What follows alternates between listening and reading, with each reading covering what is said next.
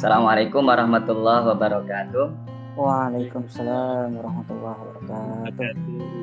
Bismillah, alhamdulillah, wassalatu wassalamu ala rasulillah La hawla wa la quwata illa billah Asyadu la ilaha illallah, wahdahu la syarikalah Wa asyadu anna muhammadan abduhu rasulullah nabiya ba'dah Pak Didik yang kami hormati Bu Siva Pak Susena Gus Sumaryati Putri Pak Pri Pak Ardian Pak Sudaryanto Pak Yuda Bapak Ibu, mahasiswa dan juga alumni.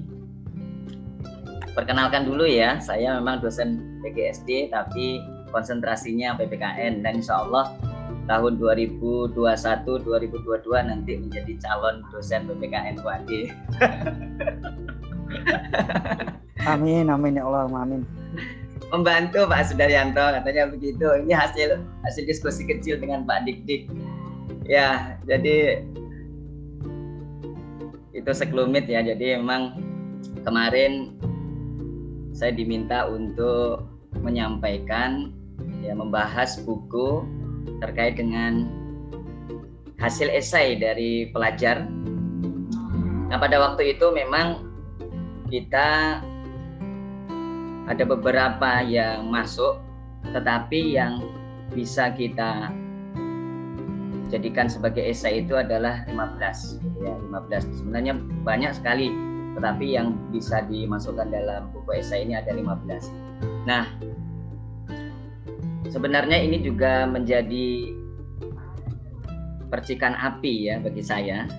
Karena apa? Karena mahas, eh, pelajar pelajar ataupun mahasiswa itu sudah bisa menerbitkan buku begitu berupa esai. Ketika itu saya belum gitu ya. Nah saya aktif untuk menulis sebagainya ketika selesai selesai kuliah dan sebagainya. Mungkin ya hanya sebatas skripsi nanti di artikel dan sebagainya. Nah ini juga menjadi penyemangat juga bagi saya untuk tadi yang disampaikan ya menulis menulis dan menulis ya kalau di dalam Al-Quran kan jelas ya bahwasanya ya nun wal kolami wama yasturun jadi memang kita harusnya rajin menulis di luar ikro, di luar kita membaca. Bapak Ibu para mahasiswa, Bapak Ibu peserta yang saya hormati, izinkan saya untuk sedikit menyampaikan tentang isi buku Menyemai Semangat Kebangsaan. Ini sudah terlihat ya? Sudah, nah, sudah Pak. Jadi di dalam buku Menyemai Semangat Kebangsaan itu ada empat. Nah ini bukan kata saya ini, ini kata Pak Dik nih. ya, jadi saya hanya menuliskan saja ini. Nah ada empat. Ini sebenarnya kalau nanti bisa dikembangkan, bisa jadi ini menjadi empat esai lagi. Ya, jadi bisa dikembangkan. Dan ini juga bisa dijadikan sebagai ya referensi sebagainya Nah, kebetulan saya dengan Pak Trisna itu sekarang juga akan mencoba menulis esai tentang sekolah kebangsaan juga, sekolah kebangsaan dan madrasah anti korupsi ya di TPA. Jadi guru-guru TPA juga. Nah, ini sedang kami godok, kami coba untuk ya suatu luaran yang sifatnya nanti mudah-mudahan bisa dikembangkan dan juga bisa dinikmati oleh halayak. Nah, di dalam esai menyemai semangat kebangsaan ini ada empat hal yang penting. Ada 15 penulis. Yang pertama itu membahas tentang pemilu. Karena pada waktu itu memang di PPKN esai ini berapa kali ya? Saya dua kali. Seingat saya itu dua kali saya menjadi juri. Dan pada waktu itu yang semangat salah satunya juga membahas tentang pemilu serentak. Pemilu serentak Nah, itu di sini dijabarkan luar biasa bahwasanya pelajar SMA itu punya suatu semangat bahwasanya mereka harus ikut pemilu ya sebagai bukti dan juga menyalurkan aspirasinya. Nah, ini penting karena di tengah kondisi beberapa tahun terakhir ini kita melihat apatis dan sebagainya sangat tinggi. Nah, maka ini perlu dikembangkan kembali. Yang kedua adalah membangun generasi anti korupsi. Nah, apalagi ini tadi sudah disampaikan juga, misalnya korupsi yang semakin ini malah meningkat ini ya. Sebenarnya kita malu juga kemarin karena kebetulan saya juga penyuluh anti korupsi. Di sini juga ada Bu Sumaryati. Ini juga perlu ditingkatkan juga pendidikan anti korupsi. Nah, pelajar juga mempunyai sebuah inisiasi yang bagus ya. Saya lihat di esai itu mereka ikut di dalam pemberantasan korupsi ini dengan beberapa perkumpulan-perkumpulan. Nah, ini juga bagus. Ini juga perlu dikembangkan. Yang ketiga tadi sudah disampaikan literasi. Nah, ini juga penting. Apalagi yang ditulis di sini juga literasi manusia. Nah, apalagi literasi manusia ini harusnya kita terutama dosen, mahasiswa, pelajar saja sudah aktif bagaimana literasi itu diupayakan di sekolah. Nah, yang keempat, menguatkan rasa kebangsaan dan cinta tanah air. Ini yang dicontohkan di Jogja. Ada yang tahu kira-kira program apa ini cinta tanah air di Jogja ini? Ya, nanti akan kita diskusikan. Nah, yang pertama, pemilu dan masa depan demokrasi Indonesia. Ini ditulis oleh dua orang, Mbak Nadia dan Mbak Siti Mutrikah. Kalau Mbak Siti Mutrikah itu tentang pemilu serentak. Yang dikuatkan di dalam esainya itu adalah bagaimana sikap berpancasila bagi pemilih pemula. Nah ini bagus.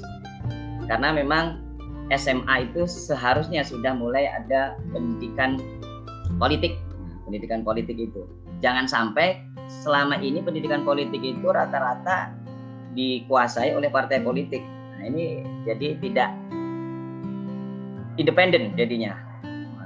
Terus yang kedua ada kepedean. Nah, ini bagus ini bahasanya. Komunitas Pemuda Demokrasi Masa Depan. Kepedean. Ini yang ditulis oleh Mbak Nadia dan kawan-kawan. Nah, di dalam esai itu setidak-tidaknya saya menyimpulkan bahwasannya upaya membentuk kesadaran berpolitik bagi pelajar yang ditulis itu pertama tentu melalui PPKN. Nah, ini PR besar bagi dosen, guru, PPKN dan sebagainya supaya kita bagaimana kesadaran berpolitik itu bisa dimulai sejak dini bagi pelajar khususnya. Yang kedua, mencari informasi dari media sosial terlebih sekarang masa-masa pandemi masa-masa kita di online daring dan sebagainya informasi di media sosial. Meskipun juga perlu ada sebuah upaya untuk melihat sumber media sosial itu. Jangan sampai kita malah terjebak.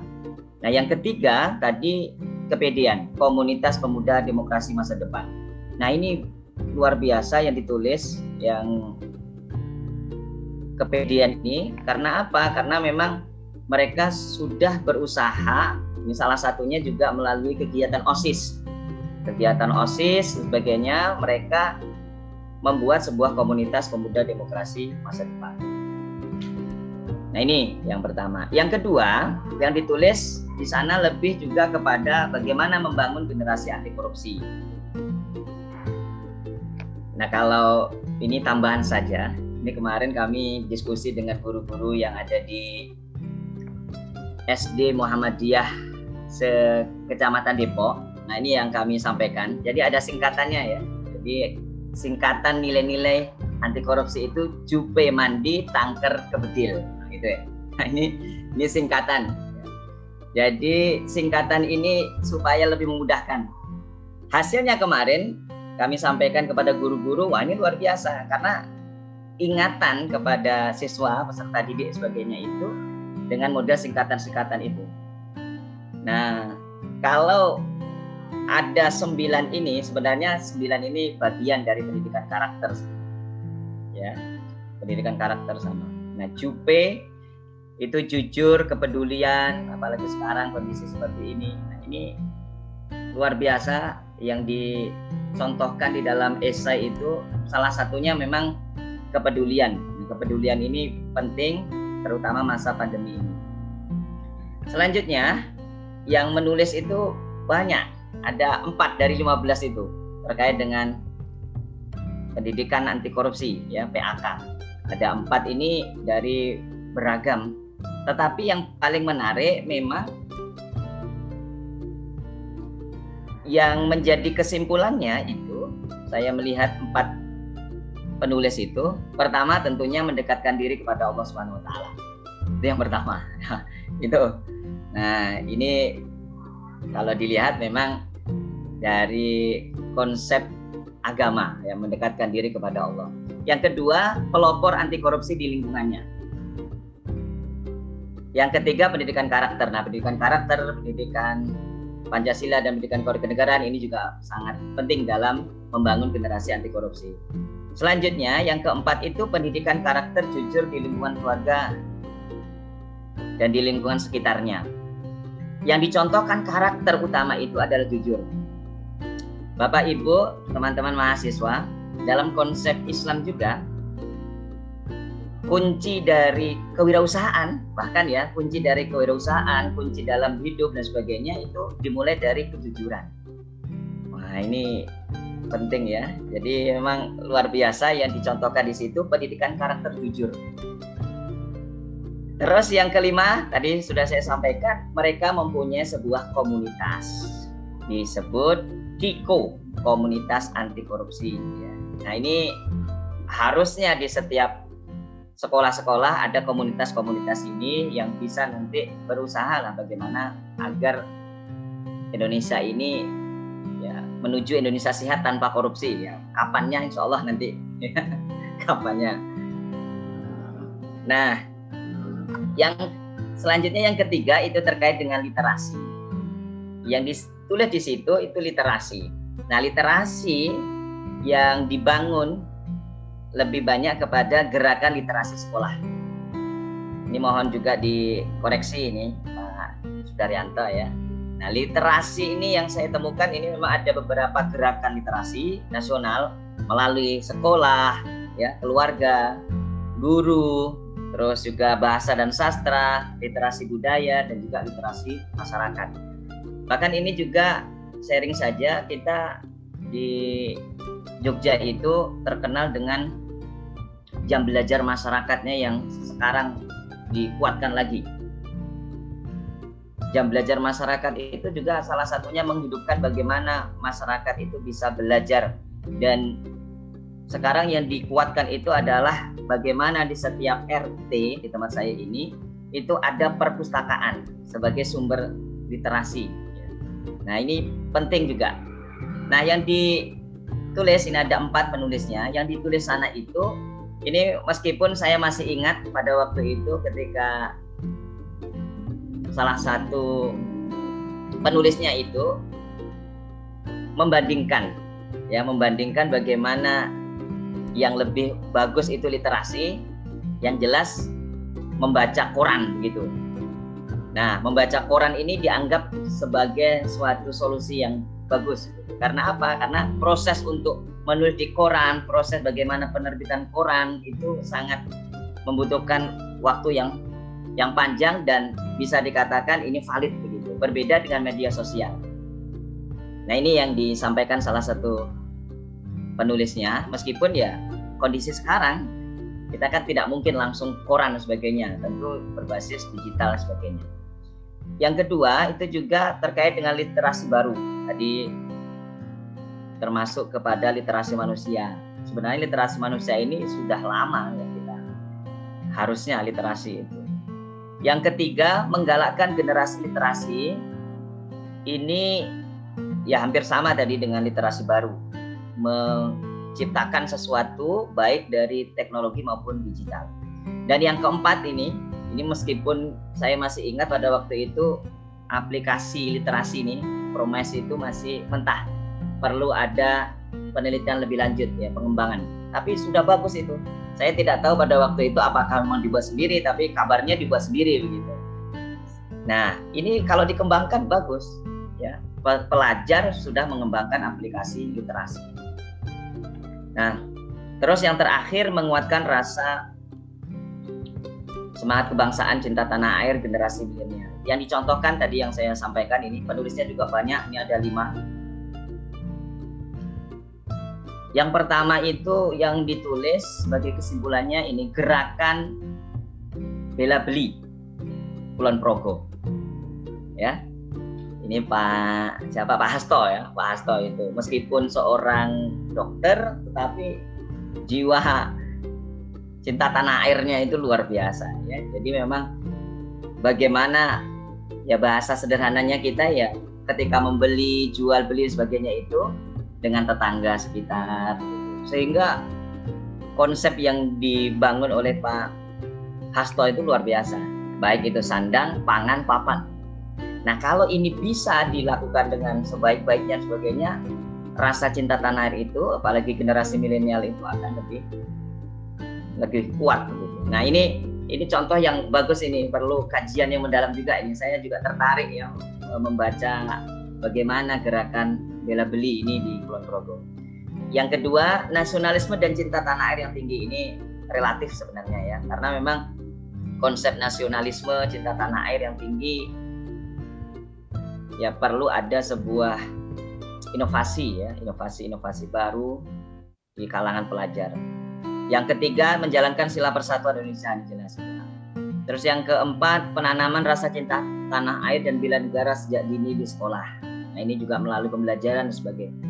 Dan terakhir juga membuat sebuah media game permainan namanya Bang Me dari Sabang sampai Merauke. ini juga masih gamenya itu masih perlu dikembangkan tapi sudah bagus karena sekelas pelajar itu sudah mengembangkan bank mie itu yang model kotak sebagainya gitu jadi seperti ular tangga dan sebagainya nah ini sangat menarik saya rasa terkait dengan buku esai itu karena juga tadi sudah saya sampaikan di awal bahwa pelajar saja sudah menulis karya yang sangat luar biasa sumbangsih apalagi mahasiswa nah itu ya maha siswa gitu ya yang namanya maha. Guru kan eh, dosen kan bukan maha guru kalau maha guru itu kan bisa jadi nanti guru pencaksilat atau bahkan malah guru-guru yang lain itu maha guru nah sekelas mahasiswa harusnya lebih lebih bagus sebagainya. Dikembangkan baik itu melalui tugas akhir dan sebagainya. Yang terakhir tadi juga saya tertantang Bu Siva dan juga Pak Sudaryanto tadi ya. Karena saya juga berasal dari timur-timur, jauh tadi sampaikan ayah Ponorogo Jawa Timur, ibu Tulung Agung Jawa Timur, jadi dari timur-timur, jadi jauh. ya meskipun lahir di Riau. Nah jadi pantun yang saya buat ini barusan tadi sebelum belum Bu Siva tadi saya coba, oh harusnya ada pantun. Bunga rampai mekar di halaman. Nggak tahu halamannya siapa ya. Mekar berseri, harum menawan. Buku menyemai semangat kebangsaan, penuh inspirasi, sangat. Terima kasih. Mohon maaf jika banyak kekurangannya. Cakep, cakep, cakep.